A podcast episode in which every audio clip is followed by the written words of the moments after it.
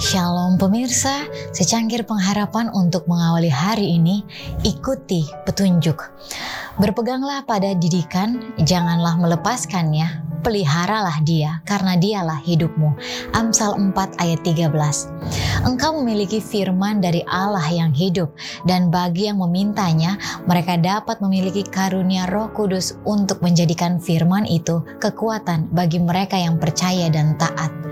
Pekerjaan Roh Kudus adalah membimbing ke dalam semua kebenaran.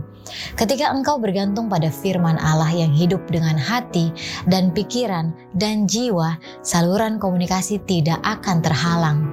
Pelajaran firman yang dalam dan sungguh-sungguh di bawah bimbingan Roh Kudus akan memberi engkau mana segar dan roh yang sama akan membuat penggunaannya efektif. Upaya yang dilakukan oleh pemuda untuk mendisiplinkan pikiran untuk aspirasi yang tinggi dan suci akan membuahkan hasil. Mereka yang dengan tekun berusaha ke arah ini memusatkan pikiran pada tugas memahami firman Allah, siap untuk bekerja bersama dengan Allah.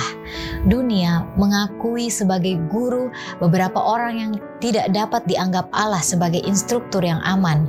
Dengan ini Alkitab dibuang dan karya penulis kafir direkomendasikan seolah-olah mengandung sentimen yang harus dijalin ke dalam karakter.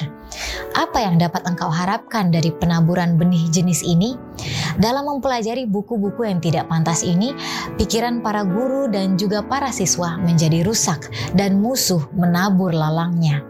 Bukan sebaliknya, dengan meminum air mancur yang tidak murni, racun masuk ke dalam sistem. Orang muda yang tidak berpengalaman yang mengambil alih bidang studi ini menerima kesan yang menuntun pikiran mereka ke saluran yang fatal bagi kesalehan. Jiwa tidak pernah aman kecuali berada di bawah bimbingan ilahi. Kemudian itu akan dituntun kepada seluruh kebenaran. Demikianlah renungan kita hari ini. Selalu mulai harimu dengan secangkir pengharapan.